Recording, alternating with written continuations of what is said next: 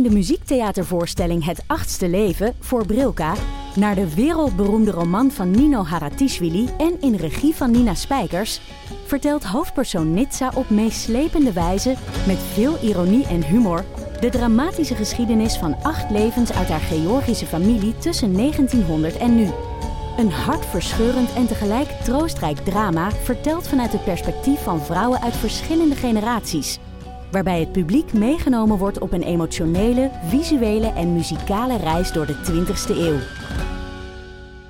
Koop je tickets voor het achtste leven via oostpol.nl. Een bejaarde maffiabaas bewerken met een hangslot. Japanse reality TV met een man, een bakje rijst en een blote pielemuis. Ja, dit zijn zomaar wat onderwerpen die voorbij kunnen komen in de podcast De Nummer 1 aller tijden. Bram Krikke, die ook wel geschiedenisnerd is. En ik, Stijn van Vliet, lijstjesfanaat, nemen elke week ja, een mooi geschiedenisverhaal mee. Alleen er is altijd maar één verhaal het beste verhaal. En dat is dan De Nummer 1 aller tijden. Luister dit vooral exclusief op Podimo. En heb je nog geen account, dan kun je natuurlijk ook gewoon gratis een account aanmaken via www.podimo.nl slash Bram en Stijn.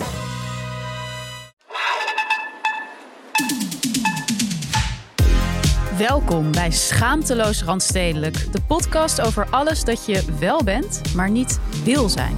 Mijn naam is Doortje Smithuizen. Tegenover mij zit niet alleen Perre van den Brink, maar deze week ook Timo Harmelink. Daarover later meer. Want zoals iedere week houden wij onze luisteraar een spiegel voor en onderzoeken wij de paradoxale relaties met de systemen om ons heen.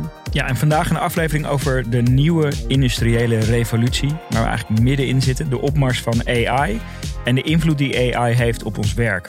Worden we productiever? Gaan we massaal aan de AI-assistenten? Of wordt het echt grimmig en gaan de robots gewoon onze banen overnemen? We gaan het allemaal onderzoeken en aan het eind van de aflevering concluderen we of we nog verder gaan met Timo Harmelink of niet. Ja, want Timo is onze producent van deze podcast. En wij vragen ons af, hebben we dat eigenlijk nog nodig? hè? Ja. Zo'n menselijke producent? Of kunnen we dat ook gewoon overlaten aan een AI-systeem? Is het niet ruis op onze radar? Ja, onnodige menselijke energie. Ja. Thanks. Eh, hi, Hi. Timo. Ik, zeg, ik ga gewoon wel wat zeggen. Het is nu. Warm eigenlijk, welkom voor jou. eh, het is eigenlijk een soort idols voor Timo, deze aflevering. zien, ja. Eh, en het is ook zoals elke idolskandidaat, is het voor jou erop of eronder. Spannend. Ja. Maar eerst onze actualiteiten. news. Oké, ik ehm, zag een post van, van Atmos. Dat is een heel mooi eh, ja, soort magazine over, over klimaat en cultuur. En die post ging over het eh, decapitaliseren van taal. En dat was echt zo'n zo'n voorbeeld van dat je denkt... oh ja, inderdaad, hé, jeetje, dat, dat, dat, daar sta je niet bij stil. Want er zitten dus allemaal ja, elementen in onze taal... en in hoe we, vooral in een soort beeldtaal Mhm. die, die ja, eigenlijk in het kapitalisme gegrond zijn. Zij gaven in die post een aantal alternatieven voor, voor ehm, dat soort uitdrukkingen, die, die dus, dus hun eh, wortels in het kapitalisme hebben. Bijvoorbeeld ehm, divide and conquer. Zeg jij dat wel eens? Verdeel en heers. Ja. De hele tijd zeg ik dat. Dat is wat ik doe. kut als je het Dat is wat vertaalt. ik doe. Het, is het enige wat ik doe is verdelen en heersen, basically. Maar divide and conquer in een soort kantoorsetting is toch best wel een ding wat gewoon echt gezegd wordt. echt? En, ja. Dat klinkt echt Ja. alsof elke CEO een soort Alexander de Groot Ja, gewoon een soort project. Wat, we, we have to divide and conquer. Oh, En dan zegt zij, maak daar nou van to split and sparkle. maar hoe zou je dat nou in het Nederlands vertalen? verdeel en besprinkel. Ja. Werkt toch niet. slecht even- voorbeeld. Ja, ja. Volgende, en dit is, dit is voor mensen die in een, in een business werken waar ook sales gedaan wordt. Ja. In de pipeline. Is gewoon in de pijplijn. Ja. Ja. Maar dat is, het- dat, die, die, die had ik eigenlijk ook nog nooit beseft van, oh wow, de pijplijn is inderdaad echt zo'n soort platte eh, kapitalistische uitdrukking. Hoezo? Nou, gewoon alsof je een soort oliepijplijn aan het Oh, aanleggen bent. Dat, dat, dat, is dan mijn associatie. Ja. Maar dat was ook zo'n voorbeeld wat ik dacht, oh ja, inderdaad, dit is echt iets wat in heel veel omgevingen waar ik gewerkt heb gezegd wordt. Mhm. En eh, ja, dus eigenlijk eh, daar, daar vandaan komt. Eh, en daarvan zegt zij, maak daarvan in the horizon. Dus op de horizon. Aan de horizon. Ja. Ja. En de laatste was pull the trigger. Ehm, dat is ook wel een soort van maak een beslissing. ja. Take the leap. Nou, in ieder geval, het heeft iets gezapigs. Maar ik vond toch wel ook een, een, een mooi voorbeeld van hoe, je, hoe er onbewust allemaal dingen nog in taal zitten. Die, ja, die dus ehm, hun wortels ergens anders hebben liggen. Ja, nou interessant. Perre, jij was in, eh, jij was in Antwerpen. Ik was hartstikke in Antwerpen. Ehm, en het was ook heel leuk in Antwerpen. Ik was met eh, mijn vriendin en mijn... ehm, Nou, je kleine- vertelt het ook echt alsof het heel leuk was. Nee, het was echt heel leuk. ik, ik meende het. Ik was met, met mijn eh, babytje, mijn babydochter en mijn eh, vriendin een weekendje weg. De, de andere kinderen waren bij, ehm, bij Amma.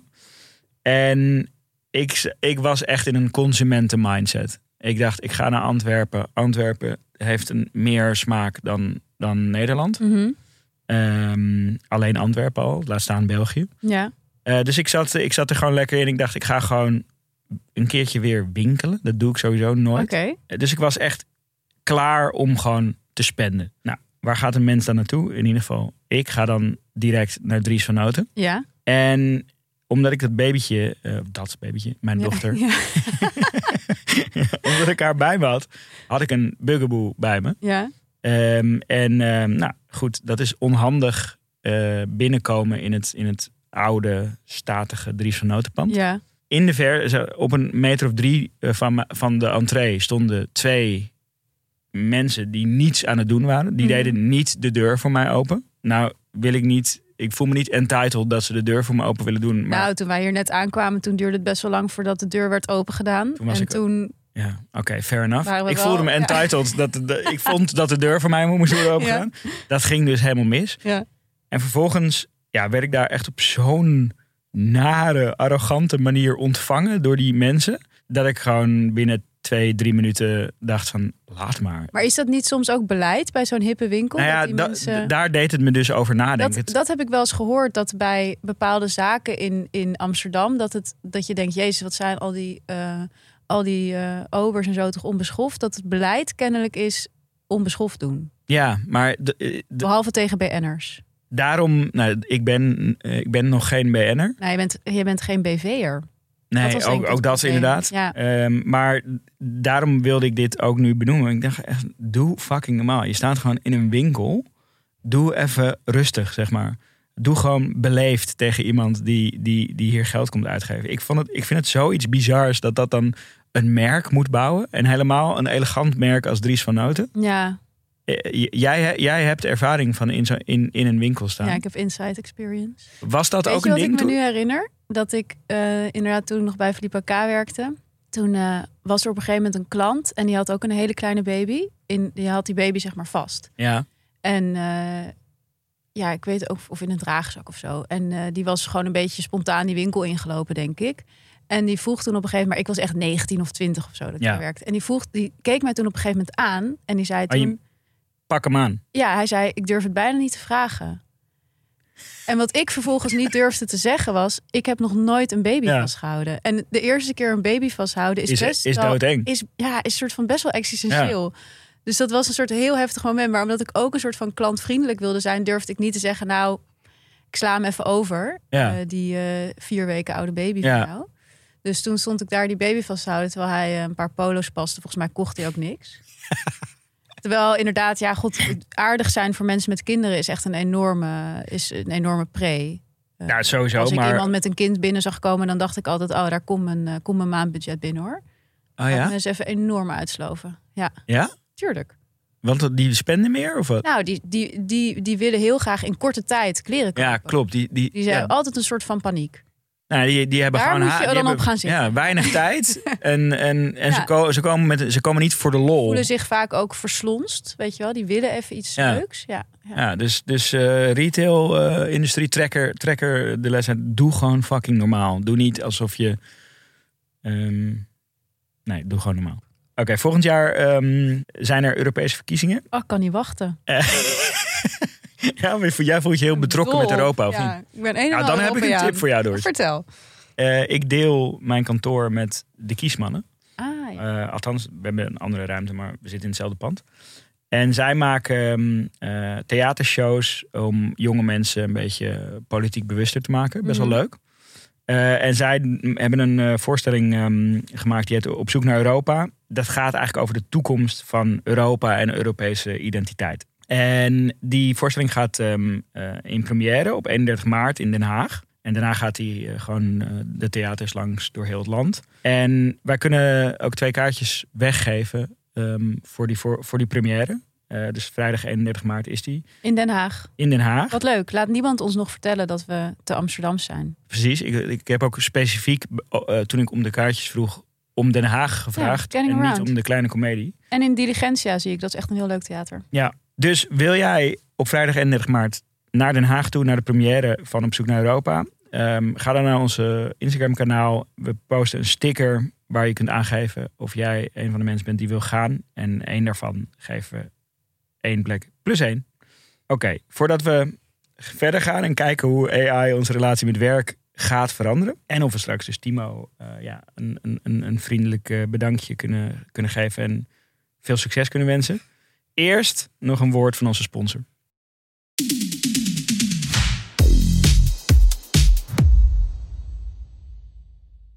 Wij hebben nog steeds de meest intrigerende sponsor van heel podcastland, durf ik wel te zeggen, namelijk de Verdwaalde Jongens. Zij organiseren avontuurlijke roadtrips door Kirgizië. En vorige week hebben we al verteld over de meest sexy 4x4 waarin je dan gaat rijden. En deze keer gaan we daar iets meer over vertellen. Want op een roadtrip met de Verdwaalde Jongens rijden jij en je vrienden zelf in de UAZ Buhanka of een UAZ Hun- Hunter. En als je ze niet kent, dan hebben de verdwaalde jongens ze ook even voor ons omschreven. Het zijn Russische remakes van de Volkswagen-bus. Ja, ik vond dat, dat ze dat heel erg geunderceld hadden. Ja, vind ik ook. Want ik heb naar aanleiding van vorige week ehm, toch wel een klein googeltje gedaan. Even gekeken wat ik we hebben wilde verkocht. even, wat, Ja. wat, wat, wat hebben we nou, waar hebben we nou eigenlijk over? Ja.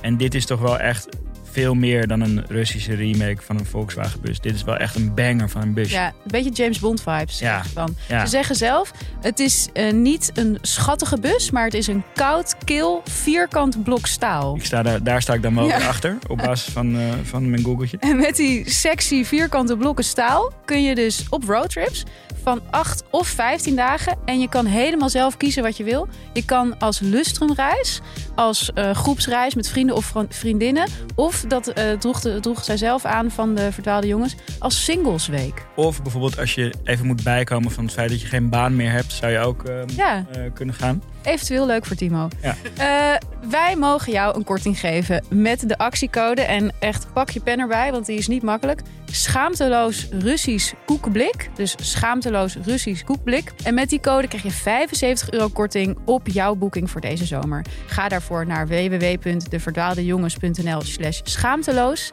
En wij, of Timo, zien jou in Kirgizië. Linkjes in de show notes.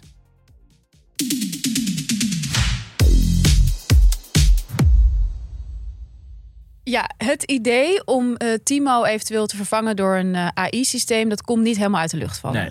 Ehm, er gebeurden een aantal dingen, er kwamen een aantal dingen samen de afgelopen weken, waardoor wij begonnen te denken: Hmm. hebben wij te veel mensen voor ons Ja. werken? Dat is eigenlijk de Ja. vraag. Wat er gebeurde, ik heb een eh, oud stagiair die ik heel goed vind en heel leuk. En ik hoorde van een bepaald baantje of iemand benaderde mij of ik nog mensen wist voor een, een, een tekstschrijfklus. Ja, En zoals altijd raadde ik haar aan. Want zij is hartstikke goed. En zij is iemand eh, die ik altijd eh, eh, aanprijs en aan werk wil helpen ook. Mhm. Toen zag ik haar een paar weken later. En toen zei ze: Ja, het is gek met die klus die jij, mij, die jij mij had doorgestuurd. Want ik heb daar eigenlijk nooit meer iets over gehoord. En toen viel er bij mij een kwartje. En dat kwartje was eigenlijk Ron Simpson. ja. Want jij had mij eerder iets over Ron Simpson verteld. Ja, nee, hij ehm, was eh, op, op de quote stond een stukje over eh, Ron dat hij eigenlijk een, een, een, ehm, een, een vacature had openstaan. Mhm. En dat hij had besloten die terug te trekken, omdat hij het had opgelost met AI. En toen zijn we een paar dingetjes aan elkaar gaan knopen. Ja. En toen bleek jouw ex-stagiair, die dus heel goed is, eh, dus aan het kortste Ja. eind te hebben getrokken. Die was er uitgeconcureerd door ChatGPT. Ja, en ongeveer tegelijkertijd merkte ik aan mezelf dat ik steeds meer, ja, de steeds serieuzer gebruik maak van, van AI in, in mijn werk. En dat met name ook op, op ehm, eindredactie van dingen. Maar hoe Dus- gaat dat dan? Wat doe je dan? Nou, dus als je, ik schrijf best wel veel Engelse teksten. Ehm, en ik ben geen native speaker. Ik bedoel, ik kan aardig Engels, maar eh, ja, ik, ben, ik blijf een Nederlands persoon die Engels eh, schrijft. En normaal huur ik daar dan een eindredacteur voor in. Maar ik doe dat steeds vaker toch met AI ook wel. Omdat de suggesties die ik daarvan terugkrijg gewoon echt best wel goed zijn. Ja, Ehm, en ehm, ja, ik merk gewoon dat het een aantal klussen die ik anders had uitbesteed, dat ik die gewoon niet meer heb uitbesteed. ja, dus 1 en 1 is 2. Wij Ja. begonnen om ons heen te kijken. En ja, onze blik bleef toch een beetje hangen bij onze grote vriend. Onze producent, Timo. En we zijn er dat- ook gewoon heel eerlijk in. Ja, we zijn ook een beetje Ron Simpson geweest. het is gewoon, het is gewoon kosten baten. Ja. Dus vandaar dat eh, dit een aflevering is die in het teken staat van eh, ja, toch wel het, voorbesta- het voortbestaan van de baan van Timo. Ja. Maar voordat we die beslissing maken, ja, dat is natuurlijk iets wat, je niet, eh, wat niet over één nacht ijs gaat. Nee, we gaan daar ook niet lichtzinnig mee Nee. om. Met Nee. personeelszaken. Nee. Dus we zijn er wel, we hebben wel gewoon even fatsoenlijk ons huiswerk gedaan. Onderzoek van, hey, gedaan. Zijn wij de enigen die dit gevoel hebben? Ja. Eh, en klopt dit? Is dit slechts een gevoel of zijn dit gewoon feiten? Nou, er is een ehm, eh, Future of Jobs report gepubliceerd door het World Economic Forum. Bekend van hun ehm, lavish eh, eh, feesten in Davos. In Davos. Davos. En dat is al een tijdje geleden gepubliceerd. eh, en voorspelde eigenlijk dat er 85 miljoen banen in de wereld gaan verdwijnen ehm, door AI. Maar er gaan 97 miljoen banen ontstaan door AI, Hè? zeggen zij. Maar wat voor banen zijn dat dan? Nou, ik denk dus dat een van de meest voor de hand liggende banen prompt engineer is. Dus, dus het, het, het, dat merk ik eerlijk gezegd ook al wel in hoe ik het zelf gebruik. Het, is, het, is, het vergt ook creativiteit om de juiste prompts te geven. Ja, Ehm, dus ik denk dat heel veel eh, mensen zich daarin gaan specialiseren. En zich daarmee gaan onderscheiden van, van de rest. maar dat is toch heel saai werk om alleen maar prompts Weet te ik niet, geven want het- zo'n het- systeem. het, het is, ik denk dat er ook heel veel creativiteit in zit. Dat er Mm. gewoon die AI tot nu toe ook die, die, die image-based eh, eh, AI. De output daarvan, je ziet, je ziet eh, zeker toen het net een beetje eh Midjourney en, en DALI en zo eh, Mm. gelanceerd werden, zag je natuurlijk heel veel mensen in je timeline die, dat, die dan sketches daarmee gingen posten. Maar je zag, Echt vond zo ik, nerdy vond ik dat. ja, maar je zag ook heel erg het verschil in creativiteit. Dus je zag gewoon lelijke dingen bij mensen die minder creatief zijn. En iets minder lelijke dingen bij mensen die wel Ja, ja, dus er ontstaan banen voor mensen die, zou maar zeggen, de taal van die AI-systemen kunnen spreken. Ja, eventjes nog uit het, uit het, uit het rapport. Dus, Mhm. dus wat, je, wat je ziet is dat ehm, ja, zij definiëren ook best wel expliciet wat voor type banen gewoon eraan gaan. Ja, Kleine greep daaruit, vertalers. Ja, die, eh, die gaan eraan. Eh, survey researchers, even kijken hoor. Mensen die basic accountancy werk doen. Ja, er Eh, staat dat de kans 100, eh, 100% is. heel Dat is heel duidelijk voor die mensen. Ja, dus weinig perspectief ook wel inderdaad. fijn, kan je nu vast gaan zoeken. Maar goed, writers en authors staat ook, staan ook bij die 100% Ja, maar dat is dus dat- exposure. Ja, ja, ja, ja, nee, dus, dus Dat is voor mij en- ook niet heel goed nieuws. Nee, en, maar wat ik dus denk, dat, er, ja, dat dit eigenlijk de eerste industriële revolutie is, waarbij de middenklasse het slachtoffer is, Ja, in plaats van de arbeidersklasse. Ehm, dus als je exceptioneel getalenteerd bent, dan is er nog steeds ruimte voor jou. Want die AI die maakt natuurlijk eigenlijk ook maar gebruik van wat er al is. ja. Dus zonder nieuwe input blijft het allemaal hetzelfde. Eh, dus de, er moet gewoon nieuwe originele input komen. En dat ja, komt toch van, van de meest getalenteerde eh, mensen, denk ik. Mijn god, wat hoop ik dat ik exceptioneel getalenteerd ben. Ja. Het is even duimen. Maar goed, jij zegt die middenklasse, maar de onderklasse gaat er toch ook aan? Ik, in, in, het, want dus in het rapport stond dus ook een lijst van banen die eh, niet per se eh, eh, negatieve impact gaan ondervinden van AI. En daar stonden verrassend veel ja, banen tussen die toch in, in, die, in die categorie vallen. Dus Zoals? agricultural equipment operators. Van, Ja. dat is wel een soort type Wat is dat? baan. Mensen die trekkers besturen. Nou, die, die dus gewoon, ja, ja Oeh. gewoon, ja, die, die operators van, van ja. Operators van Ja, agriculture. van- Ja, ook, ook zo, Ook wel- flauw idee Ook hebben. wel boeren. Ja. Ja. Goed nieuws voor Caroline. goed nieuws voor de boeren. Ja. Mensen in de bouw, automotive ja, glass installers. iedereen die met zijn. Wat zeg je nou weer? Ja, mensen die bij Carglass werken. Ja, nee, maar gewoon iedereen die met zijn handen werkt eigenlijk. Ja, Dat is wat dit afwassers is. Ja, bijvoorbeeld. precies. Ja. Maar- nee, maar het is natuurlijk, kijk, inderdaad, ik denk dat, maar goed, bijvoorbeeld als ik kijk naar mijn eigen sector, de media, denk ik inderdaad dat eh, de mensen die, kan ik me voorstellen, zich zorgen maken. Bijvoorbeeld zijn de mensen ehm, die ik heb gezien op krantredacties, die bijvoorbeeld stukken op eh, de sociale media zetten. Ja. Altijd zo'n hele redactie die de hele dag bezig is met stukken op Facebook, Twitter, Instagram zetten. En dan allemaal net met een iets andere tekst die dan beter past bij dat platform. En ik denk als ik dit lees, die banen die gaan eraan. Zo heel nu.nl. Ja. Want daar heb je natuurlijk totaal geen creativiteit voor nodig om zo'n stukje te schrijven. Echt met alle respect overigens naar de mensen die dat schrijven. Maar het zijn natuurlijk niet... Ja, Nee, het is het is geen Hugo Claus, laten we het zo zeggen. aggregatie van bestaande content. Is het gewoon. Ja, dat heb je weer heel mooi, Ja. heel mooi verwoord. Eh, daar denk ik wel van, oeh, die, die banen zou ik me zorgen Ja. maken. Nou, ik denk dat nu.nl op een bepaalde manier dat wel al een beetje eh, probeert te ondervangen. Ze zijn natuurlijk een paar jaar geleden iets meer soort originele content gaan maken. Nou, en dat is wat, ik- wat ik inderdaad ook wil toevoegen. Het is natuurlijk juist wel een kans. Want ik denk dat veel mensen die die stukjes online zetten... misschien ook wel de ambitie hebben om iets interessantere stukken te Ja. schrijven. En dat je op het moment dat je dat dus kan uitbesteden aan zo'n eh, systeem... en het dus geen geld meer kost, of ja, veel minder... dan zouden die mensen zich ook weer op een interessantere manier kunnen ontwikkelen. Ja. Maar het is heel interessant wat je zegt over die middenklasse. Ik denk dat we het... Het doet me ook heel erg denken aan dat idee van de bullshit job. Weet je wel? Mhm. Dus de- eigenlijk het idee dat dat dat die er eigenlijk uit zullen gaan door, Ja. ja. door al die AI-systemen. En dat is eigenlijk inderdaad wat eh Yuval Harari, weet je wel, van Sapiens en Ja. zo.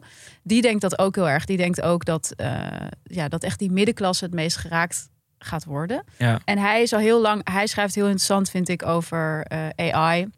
Ja? Ja, vind ik wel, omdat hij op een hele soort van bijna objectieve manier. Want ik weet nog dat ik een, een tijd geleden las ik dat Sapiens, echt alweer, nou, echt vijf jaar geleden of Ja. zo. En eh, toen vond ik dat heel, toen vond ik dat nog echt heel interessant en revolutionair. Dat hij dus zei van ja, eigenlijk is het veel logischer om bijvoorbeeld keuze voor je baan of keuze voor je studie of zelf de keuze voor je partner Ja. ehm, te laten bepalen door een AI-systeem. Omdat zo'n AI-systeem veel meer dingen kan beschouwen dan jij als mens Ja. op één moment van je leven. Weet je, die ene split second of misschien die ene maand waarin je beslist wat voor studie je gaat doen. Ehm, daar kan zo'n AI gewoon veel rationeler mee omgaan. en dat is toch uiteindelijk wat je wil. Dat is het idee. Nou, dus ik eh, dacht de afgelopen tijd van misschien moet ik dat zelf ook eens gaan proberen. Mhm. hè? Zo- Zoals een mens dat doet. Ja? En ik had sowieso altijd geroepen. eh, als ik ooit weer single word, dan eh, ga ik wel een keer op zo'n dating app. Want ik vind dat we daar allemaal niet zo moeilijk over moeten doen en zo. Dus nou, ik eh, afgelopen weken een dating app geïnstalleerd.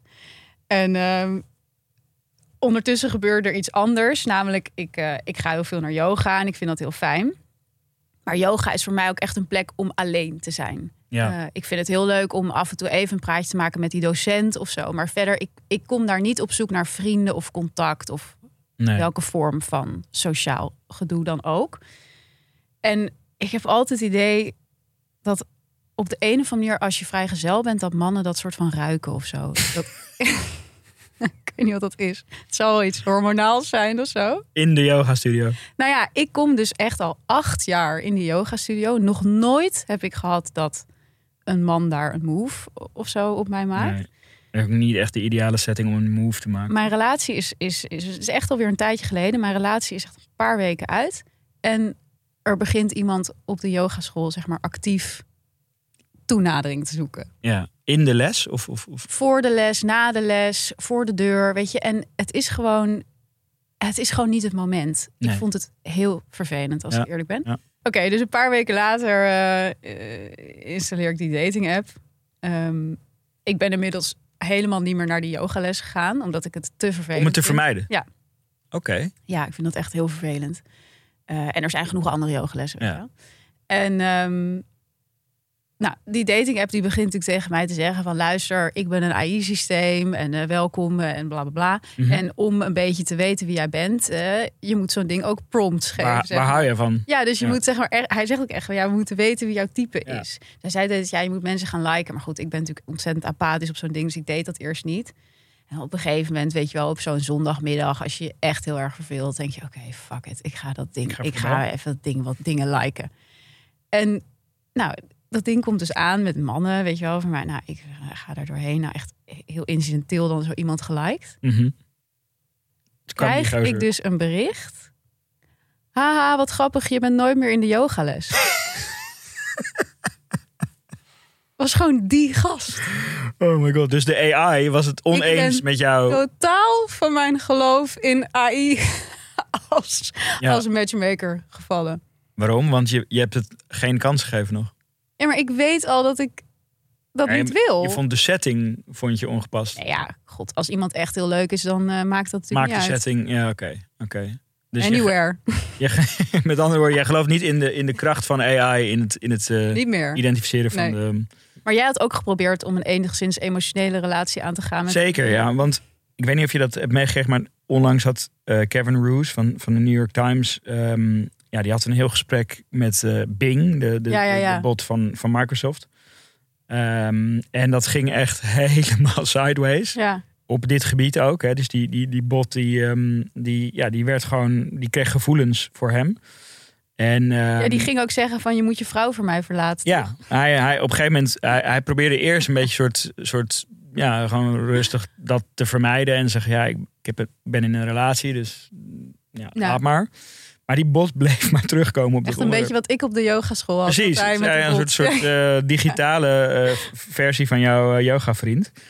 en eh, die zegt, ja, je bent, op een gegeven moment zegt die bot, you're, you're married, but you're not happy, you're not satisfied, you're not in love. Ja. Je moet naar mij komen, ik ga jou wel dat geven. Ehm, ja, het werd gewoon echt een beetje creepy. En ehm, nou, dat kreeg natuurlijk ook heel veel aandacht. En Ja. ehm, eh, ehm, iedereen heeft daar ook op, op gereageerd. Dus hè, ook, ik dacht, eens eventjes kijken of wij ook vrienden kunnen worden met, met die bots. Ja. Omdat eh, een, een van de voordelen van Timo is wel dat hij een, ehm, ja, gewoon een leuk Het is, mens een aardig, is. het is een aardige gast. Ja. ja. Dat zou je niet zeggen in, in, in deze Shark Tank waar we hem nu in gooien. Maar het is een heel lief en leuk mens. Ja, maar het is Ehm, natuurlijk altijd kill your darlings, weet je wel, in elk creatief proces. ja, exact. Dus we moesten, ja, kijk, stel dat die AI dat ook kan hebben, dan is dat toch weer inderdaad een, een streepje minder. Ja. Ehm, dus ik, ik heb gevraagd aan die bot van, zit het erin dat wij, ehm, dat wij vrienden kunnen worden? Ja, en toen eh, kreeg ik echt zo'n botte, eh, botte eh, reactie. Wat echt zo typisch een reactie was op dat New York Times stuk. Dat al die AI-ontwikkelaars ja, een soort van PR-statement op dit soort vragen hebben, hebben geïntegreerd in die bot. Dus die bot zei van ja, ik ben een AI-language mo- model. Ik heb niet de emotionele capaciteit die, die mensen hebben. Eh, dus sorry, eh Perre. Ehm, Wij kunnen het niet echt vrienden worden. Hij reageerde een beetje zoals ik toen ik laatst voor een influencer deal werd gevraagd. ik Precies. ben vereerd, maar ik ben geen influencer. Ja, precies, precies. Ehm, het, werd, het werd netjes uitgelegd, maar het was wel gewoon een harde, een harde, harde nee. nee. Ja, Hoe voelde dat om zo afgewezen te worden door een ja, kil. Ja, Eh, en g- grimmig. Ik had wel ook het gevoel dat Timo het nooit zo op die manier tegen mij zou zeggen. nee, Ehm, kijk hem nu aan. Nee, toch? nee, hij zou Nee. dat nooit doen. Nee. Dus eh, dat, was wel, dat was wel in de research van, ja, oké, minpuntje voor de, voor de AI. Ja. Maar, hè, dus, dus, dus dit ding is ook net gelanceerd. Daarom. Ehm, eh, dus die is nog volop aan het leren. Dus, dus hopelijk heeft ze ook van ons gesprek ehm, heel veel geleerd. Want kijk, als je naar de eh, adoptie van eh, nieuwe technologie... eigenlijk gaat het altijd in eenzelfde soort beweging. Het, het gaat heel langzaam. En dan opeens gaat het echt crazy snel. Ja, En dat zie je dus ook met die, met die AI, dat dat eigenlijk al twintig jaar gewoon, gewoon heel steady, langzaam groeit.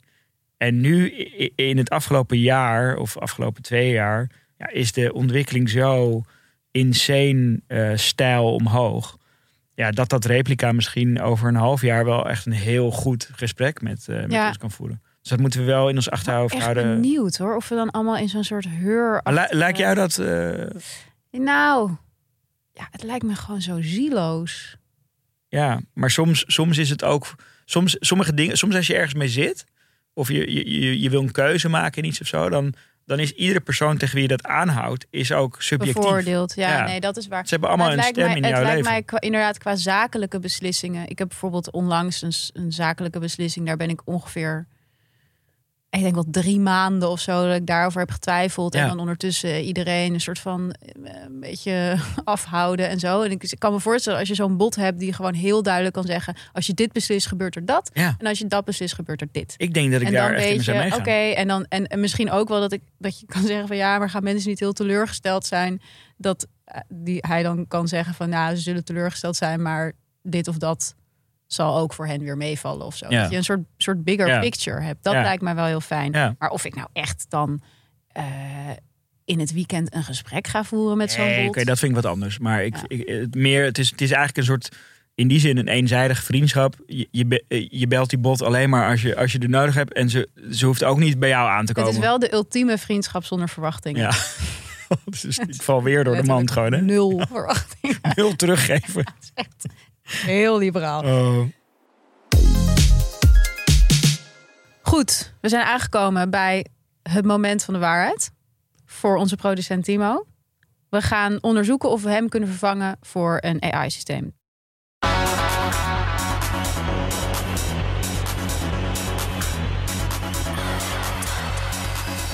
Timo, welkom. Ja, dankjewel. Hoi. Ja, hoe, hoe voel je? Ik zit hier een beetje met eh, trillende handjes. Het is een soort Ja. van live sollicitatie. Of hoe noem je dat? Functioneringsgesprek. Een auditie Ja, eigenlijk. maar dan eh, meteen aan het eind krijg ik te horen of ik eh, mag blijven of niet. Ja, Dus, Ja. eh, en het is ook meteen, mensen luisteren ook gelijk mee. Dus het is nogal... eh, ja, het is voor Het is jou nogal- ook, het is ook een soort eh, open sollicitatie ook voor jou. ja, dat als, als ik het hier kan niet ook iets heel leuks uitkomen. Ja, kun je me ook nog aannemen als je denkt, wat een leuke jongen. Dus eh Wow. dat zou fijn zijn. Ja. Misschien om te, om te beginnen is het goed dat we de luisteraar ook een beetje meenemen in wat jij eigenlijk ja wat jij nou ons. eigenlijk doet. Ja, ik- Ik dacht ook, ik moet mezelf wel een beetje gaan verdedigen. Dus ik heb allemaal taken opgeschreven eh, hè, wat ik allemaal doe. ja. Ehm, ik heb het eigenlijk opgedeeld in drie delen. Namelijk in het begin redactie. Dus ik eh, help vooral met draaiboeken schrijven, eh, mensen voorspreken, onderzoek doen. Voordat we een aflevering gaan opnemen. Dus dat is, dat is het eerste gedeelte. Ja. Mhm. Eh, het tweede gedeelte is de, de opname en de edit. Dus dat is zeg maar hè, het, het maken van de podcast. En dan heb je als derde gedeelte. Jouw favoriete gedeelte? Het derde gedeelte? Social media en teksten schrijven. Nou, volgens mij vindt niemand dit leuk, toch? Nou, Timo, eh, misschien vinden mensen dat wel leuk. Oké. Dat weet je nooit. Nou ja, dat gaan we, dat gaan we- dit zijn in ieder geval de en taken. AI-systeem vindt het allemaal leuk. Het allemaal even leuk. Dat is Die waar. klaagt nooit. Ik klaag- Ja, precies. AI klaagt En eh, naast al deze dingen ben je natuurlijk ook onze mental coach, Zeker. support, Ja. steun en toeverlaat, Ja. part-time Dus tussen, psycholoog. Tussen de opname door wenden wij ons hoofd Ja. vaak naar jou toe. En dan En gewoon in het leven. Ja. Je woont ook vlakbij ons. Ja, dus Ja. Je komt eigenlijk nauwelijks van ons af. Dat is de realiteit. laten we eh, een beetje deze verdeling ook aanhouden. Mhm. Eh, en, en beginnen met het redactiegedeelte. Wij werken in een ehm, Google Doc. En dat is eigenlijk ons draaiboek. Wij hebben nogal de neiging om daar, ja, zou je kunnen zeggen, ongestructureerd veel informatie in, in, in, te, in te dumpen. Ja, het is eigenlijk de, de, de normale gang van zaken is zo dat wij gewoon heel veel informatie erin zetten. Vaak jij bent, per, jij bent wel heel gestructureerd. Bij jou ziet het er ook allemaal esthetisch uit. Ik knal er gewoon, zeg maar, halve artikelen, Ja. citaat. Bij mij is het gewoon verschrikkelijk. Weet je waar ik dat ook altijd aan kan herkennen? Je hebt ook een functie op je, een snelcombinatie van Mhm. dingen dat je in het lettertype van de rest kunt plakken. Maar Maar die, dat doe ik nooit. Nee, bij mij is jou zie je allemaal verschillende lettergroottes. Ja, en ik zie dan al voor me hoe jij een soort van mentale kortsluiting krijgt van alles wat ik heb gedaan. Maar het gaat om de inhoud. En, ehm, maar Timo die raakt altijd toch wel erg geïrriteerd. Eh, kunnen Ja. we wel zeggen. Ja, van- vooral omdat het, het is een draaiboek. Dus het gaat om hoe je van stap, van stap eh, door de aflevering gaat. En Ja. niet een soort van al je notities gewoon en alle, alle gedachtenspinsels die je hebt gewoon onder elkaar te plannen. Ja, jij vindt Ja, ons niet- te ongefilterd Ja, eigenlijk. ja. Eh, ja. Er moet meer structuur in eigenlijk. Ja, en dat doe jij ook altijd, eh, moet ik zeggen, eh, heel goed. Ja, heel goed. dankjewel, Ja. dankjewel. Dus het, eh, ik heb daar niet heel veel op aan te merken. Jij? Nee, nee. Nou, behalve het, eh, de, eh, het chagrijnige. Ik bedoel, daarvan Ja, hij is ik, streng. meer ac- Passief-agressieve eh, acceptatie. appjes. zou- Ja. Nee, die Ja. snap ik. Ja. Die zijn niet leuk. Ja. Nee. Ja. Maar het is wel nodig, denk ik. Ja, maar Nou, het is dat toch een beetje... Ja, uiteraard hebben we een eh, AB-test gedaan. Ja, Ehm, dus eh, nou, we hebben jou een beetje gemonitord in de afgelopen paar afleveringen. ja. Ehm, en tegelijkertijd hebben we eh, ook de AI gevraagd om, om wat structuur aan te brengen in onze ehm, ja, ongefilterde ehm, draaiboeken. En Ja. hoe doe je dat dan? Is het dan, je plemt gewoon alle notities in ChatGPT en je zegt tegen, tegen de AI, maak hier een draaiboek van. Ja, ik, Met- ik, had- ik had het iets specifieker geprompt. Dat, met ook een soort, het is voor een podcast. eh, deze lengte moet het ongeveer op uitkomen. Dus met iets meer eh, elementen had ik het ge- geprompt. Ja, wat vinden we ervan? Van het, van het, van het Nou, sowieso werd het natuurlijk een podcast in English. ja, Dus het werd eh, alleen schaamteloos randstedelijk was niet eh, vertaald. Rest was Engels. Dat is al een kleine hobbel.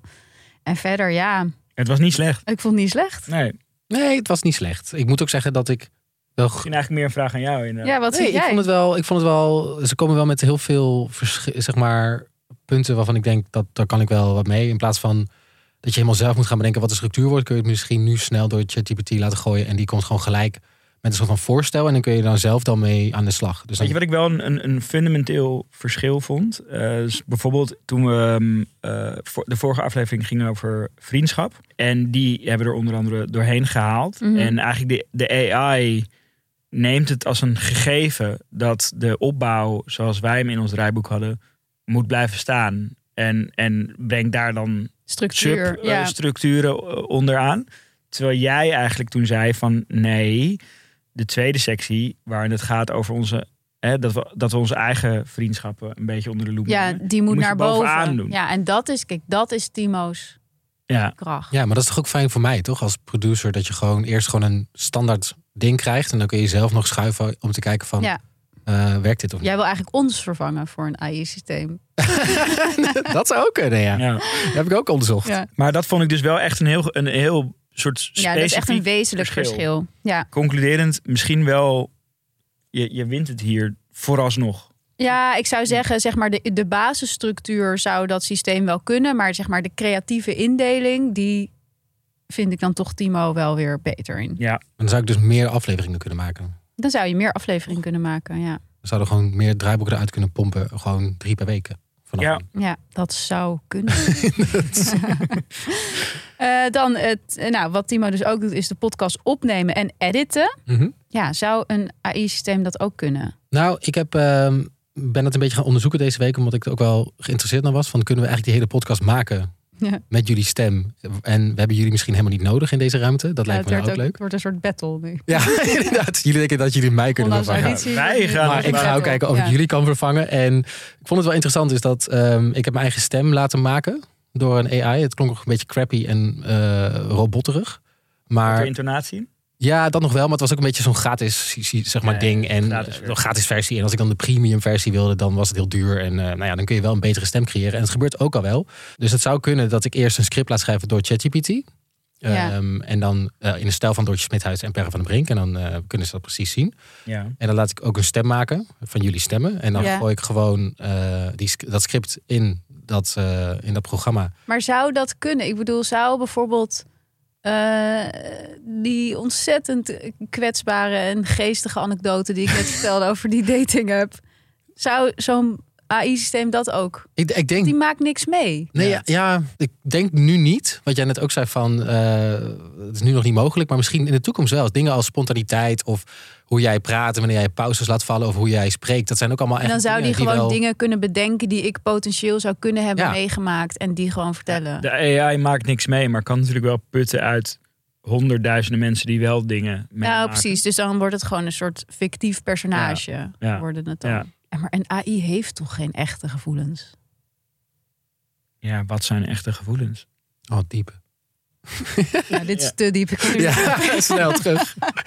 Oké, vol- door naar het volgende punt. Oké, video's maken, dat is ook een issue. Timo is eigenlijk degene die meestal de video's van ons maakt en de video's edit. En de vraag is, kan AI dat ook?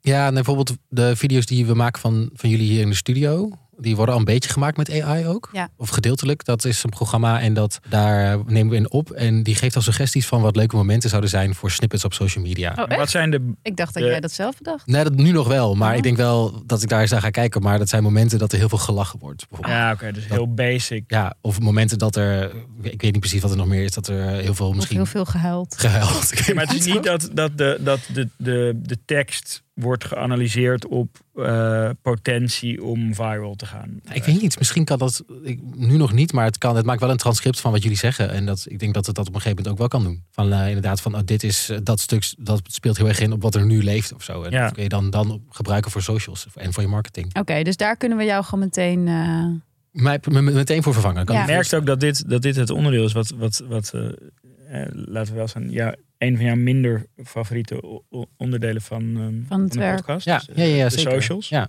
Daar sta jij heel erg open voor. Ik vind het heel leuk het beginproces en het ma- zeg maar, maken en het, wat ervoor zit vind ik leuk. En wat erna komt zeg maar, met socials en met teksten, dat vind ik minst. dus hier wil jij veel AI-integratie in je werk. Ja, want dan ook teksten schrijven voor socials. gelijk. Dat zou die dus ook wel kunnen doen. Ja, en je weet, ja, ik- je- dat is ook iets heel. Ja, je krijgt dan wel van die voorspelbare. ehm, Elke tekst op socials is toch voorspelbaar. Ja. ja. Dat zijn de Ik mag teksten het die eindelijk werken. zeggen. Ja, ja. Oh my god. Ja, nee, dat is, dat is waar. Dat zijn, eigenlijk zijn we in, in die zin al, al allemaal AI geconditioneerd Ja, in, ons taal, in onze eigen we taalgebruik. mogen het eindelijk zeggen. we mogen het We eindelijk zeggen nooit iets origineels. Nee, precies. Oké, dus eh, we kunnen eigenlijk wel concluderen dat Timo, ja, je bent niet helemaal vervangbaar, maar wel voor een heel groot deel. Mag ik blijven? Voor nu. Voor nu? Want je had zelf ook nog, je wil het zelf ook Ja, ik nog vind gaan wel, hier moet meer integratie. Er, moet- er zit hier heel veel efficiëntie, merk ik. Er zit veel tijdswinst in, in dit element van het werk. En ook meer effectiviteit in de assets die je maakt. Ja. Dus, en dat is de tijd die je allemaal aan de pre-productiekant kunt investeren. aan het draaiboek. Ja, Ja. Ja. En misschien beter onderzoek doen. Ja. eh, gewoon, beter onderzoek. Gewoon betere afleveringen maken uiteindelijk, denk ik. Dus Dat- hier, gaat, hier gaan we een kwaliteitsslag slaan. ja, vanaf volgende week hoor je ineens zo hoe, die kwaliteit omhoog gaan. Ja. Ja. Maar ehm, ik dacht, hè, het ging het ging nu de hele tijd over of we mij kunnen vervangen. Maar ik dacht ook nog van, ja, dat is allemaal heel leuk en aardig dat gesprek. Maar ehm, jullie zijn eh, ook niet se heel speciaal. Wij zijn ook niet onvervangbaar. Nee. ja, of onvervangbaar. Dus ik dacht, ik ga even hetzelfde doen met jullie. En ehm, eh, kijken of jullie vervangbaar zijn. Dus wat ik gedaan heb, ik heb eh, eerst eh, kijk, gekeken of ik Doortje kon vervangen. Mhm. Dus ik heb ehm, verschillende prompts geschreven voor ChatGPT. om te kijken of, of die een stuk kon schrijven in de stijl van Doortje Smithuizen over de Van Moof. Ik dacht, ik blijf gewoon lekker bij dat onderwerp. Onderwerp wat mij de rest van mijn leven zal achtervolgen. Zal, ja, dat denk ik ook helaas. Kwam ik als eerste mij op. En, Denk je ehm, Doortje, denk je van me over. ik moet zeggen, in het begin was het heel, eh, heel saai, heel zakelijk, heel net niet. En hoe beter je die prompt inderdaad pakken krijgt, hoe beter ook het stuk wordt. Dus uiteindelijk is mijn Ho- Hoeveel prompts heb je daarna nog? zes. Ja, je hebt hem zes keer aangescherpt. Ja, ik heb hem zes keer aangescherpt en uiteindelijk is het dit geworden. Schrijf een kritisch stuk over de opkomst van de Van Moof en de stijl van journalist Doortje Smithuizen, waar de persoonlijkheid van de journalist doorschemert. Oké. Omdat jij volgens mij ook wel, hè, jouw, jouw schrijfstijl is ook wel een beetje van je persoonlijke leven of je persoonlijke kijker op een beetje in te verwerken. In elk woord zit ook mijn persoonlijkheid. Ja, toch? Ja. Dus Vraag Dat is nu echt of, mijn brand. Of, of, ChatGPT een yogales anekdote in dit Ja. heeft Nou, weten ik, te ik denk wel dat Doortje niet helemaal tevreden is met dit stuk. Maar ik denk wel dat het een heel goed begin is. En Oh mijn god, Timo, lees het voor. ja, maar het is best wel lang. Dus wat zou ik doen? Gewoon, nou, beginstuk? lees de eerste alinea. Als journalist ben ik vaak sceptisch over de hype die rond bepaalde merken wordt gecreëerd. En de laatste tijd hoor ik steeds meer over Van Moof. Het Nederlandse fietsenmerk dat zo populair is dat, het zichzelf de Tesla of e-bikes noemt. Dus besloot ik het om het zelf eens uit te proberen en te kijken of het echt de hype waard is. Ik moet toegeven, toen ik de doos opendeed, nou, dan komt er een heel verhaal over hoe, hoe het eruit ziet. Ik, ga, ik ga je heel even stoppen. Zou je dit niet... Zou je Journey, Kijk, niet weer zo. Weet je wat het is? Ja? Ik geloof heel erg in een, in een heel clichématig, maar volgens mij terecht clichématig stijlfiguur. En dat is show don't tell. En wat dit ding doet, is tell don't show. Snap je wat ik bedoel? Nou, hij gaat helemaal uitleggen. Er is een hype. Ik ben erdoor gefascineerd. Ja. Ik ben journalist. Ik zie dit om me heen. Ja. En dat vind ik allemaal informatie die moet voor zichzelf spreken. Ja. Die moet spreken uit de anekdotes, de voorbeelden, eh, de, wat, je, eh, wat je opschrijft. Ik, je hebt het stuk ook al geschreven als je het leest, toch? Van, natuurlijk ben je erdoor gefascineerd. Ja, Van, het is gewoon heel oninteressant, vind ik, voor een lezer. Als Even- jij een stuk begint met ik ben hierdoor gefascineerd. Ja, dan, dan haak ik al af. Want ik denk dan, ja, je moet mij overtuigen van het feit dat dit fascinerend is. En dat doe je niet door te zeggen, dit fascineert mij. ja. Ik denk dat het de feiten die je zou willen beschrijven wel goed is, maar dat, het, dat de schrijfstijl dan... Maar zit er ook iets van een anekdote in? Anekdote, zit er een anekdote in? Ja. Eh, nee, maar dat zou je dus in de prompt wel kunnen Ja, aangeven, ja, toch? dus je Van, het- In een soort van met een ja, je zou dan, eh, dus prompt 7 zou kunnen zijn van, voe- je- je- hè, dan krijg je dit resultaat en dan Ja. zeg je, voeg, voeg, een, voeg een anekdote over een yogales hier aan toe. Maar weet je wat zo'n ding volgens mij niet kan? En waar ik heel erg van hou, is eh, impliciet zijn. Hij kan alleen maar expliciet zijn. Hij kan alleen maar zeggen: dit is er aan de hand. Dit is het fenomeen, dit gebeurt er. Terwijl vaak kan je eh, in een zin ook heel veel zeggen over Mhm. onderliggende gevoelens. Of weet je, en dat, dat zit hier gewoon Ja, niet in. ik, denk dat, vind- ik vind dat je dat heel sterk zegt. Dankjewel, dat is ook echt mijn eigen verdienste dat ik dat zo kan zeggen. Heb je zelf heel goed... Dat is eh, waarom mensen mij Nee, maar betalen voor mijn werk. ser- Serieus, dat impliciet, dat is, Ja. is precies wat het is. En wat, wat eh, ja. En dat is wat een tekst Mhm. interessant maakt voor mij. Nou, je hebt jezelf goed verdedigd. Dankjewel. Ehm, zullen we hem even op social zetten, het stuk? Ja, Laten heel we- laten we graag. dat doen. Ja, Even kijken laat, wat er nog laat de luisteraar maar oordelen. Misschien vinden zij dit allemaal Ja. veel beter. Leuk van mij. Zou kunnen. Ik heb hetzelfde ook voor Perren gedaan. Ik heb eh, ChatGPT een merkstrategie laten schrijven voor jouw eh vleesveralternatief. Oké, Vleesvervanger. deze alternatief. Vleesalternatief. Ja. Vleesopvolger. Ja, dat, dat, is trouwens aan ChatGPT. Ik moet zeggen dat daar heel veel algemeenheden uitkwamen. Standaard dingen dat ik er niet eens eh, Je wilt het durf te voorlezen. vertellen hier aan tafel. Hmm, dus ga ik doen. Ik, I'll take that. Ja, dat zou ik ook doen. Jij Dus- bent minder vervangbaar dan ik. Ja, vooralsnog... eh, Eh, dus ja, jij volgende week alleen, denk ik gewoon. Ja. wie gaat dan die opening doen? Jij en twee bots. Ja, dan zal, jij, dan zal jij echt een keer de opening Ja. moeten doen. Ja. Ik denk dat de conclusie wel... Ik zou, ik zou, ik zou, ik zou Timo niet weg. weg Nee, Wat? Thanks guys. Nee, absoluut niet. Dit, dit, dit is nog niet goed genoeg. Nee, en alleen al omdat hij deze aflevering zo sportief heeft meegedaan. Ik zie dat een eh, AI nog niet zo, eh, nog met- niet zo leuk doen. Hebben jullie nou wel hogere verwachtingen van mij? Ja, veel hoger. Nou, dus eh, mijn, mijn, waar ik bij, bij blijf hangen is wat ik net eh, al zei. Van dat, ehm, dat hele post-ding, daar moet je meer AI gebruiken. Zodat je als mens meer in de pre kunt eh, effectiviteit en, en, en, en kwaliteit kunt toevoegen. Leuk, wordt echt een soort functioneringsgesprek. Dankjewel. We, hebben, we hebben het er zo nog wel Nee, even goed. over. En we schrijven het even op ook. Maar er is dus, want, want dat vergat ik net eh, te zeggen, er is dus een, een, een podcast over AI die dus al helemaal door AI gegenereerd wordt.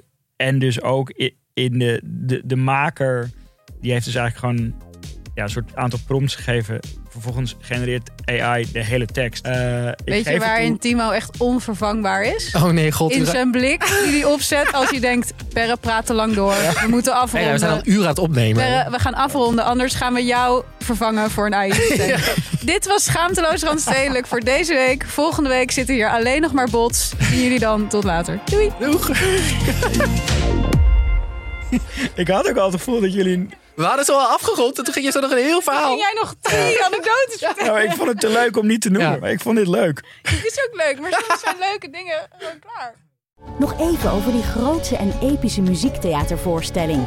Het achtste leven voor Brilka is een marathonvoorstelling van 5 uur. Koop je tickets voor deze bijzondere theateravond via oostpol.nl.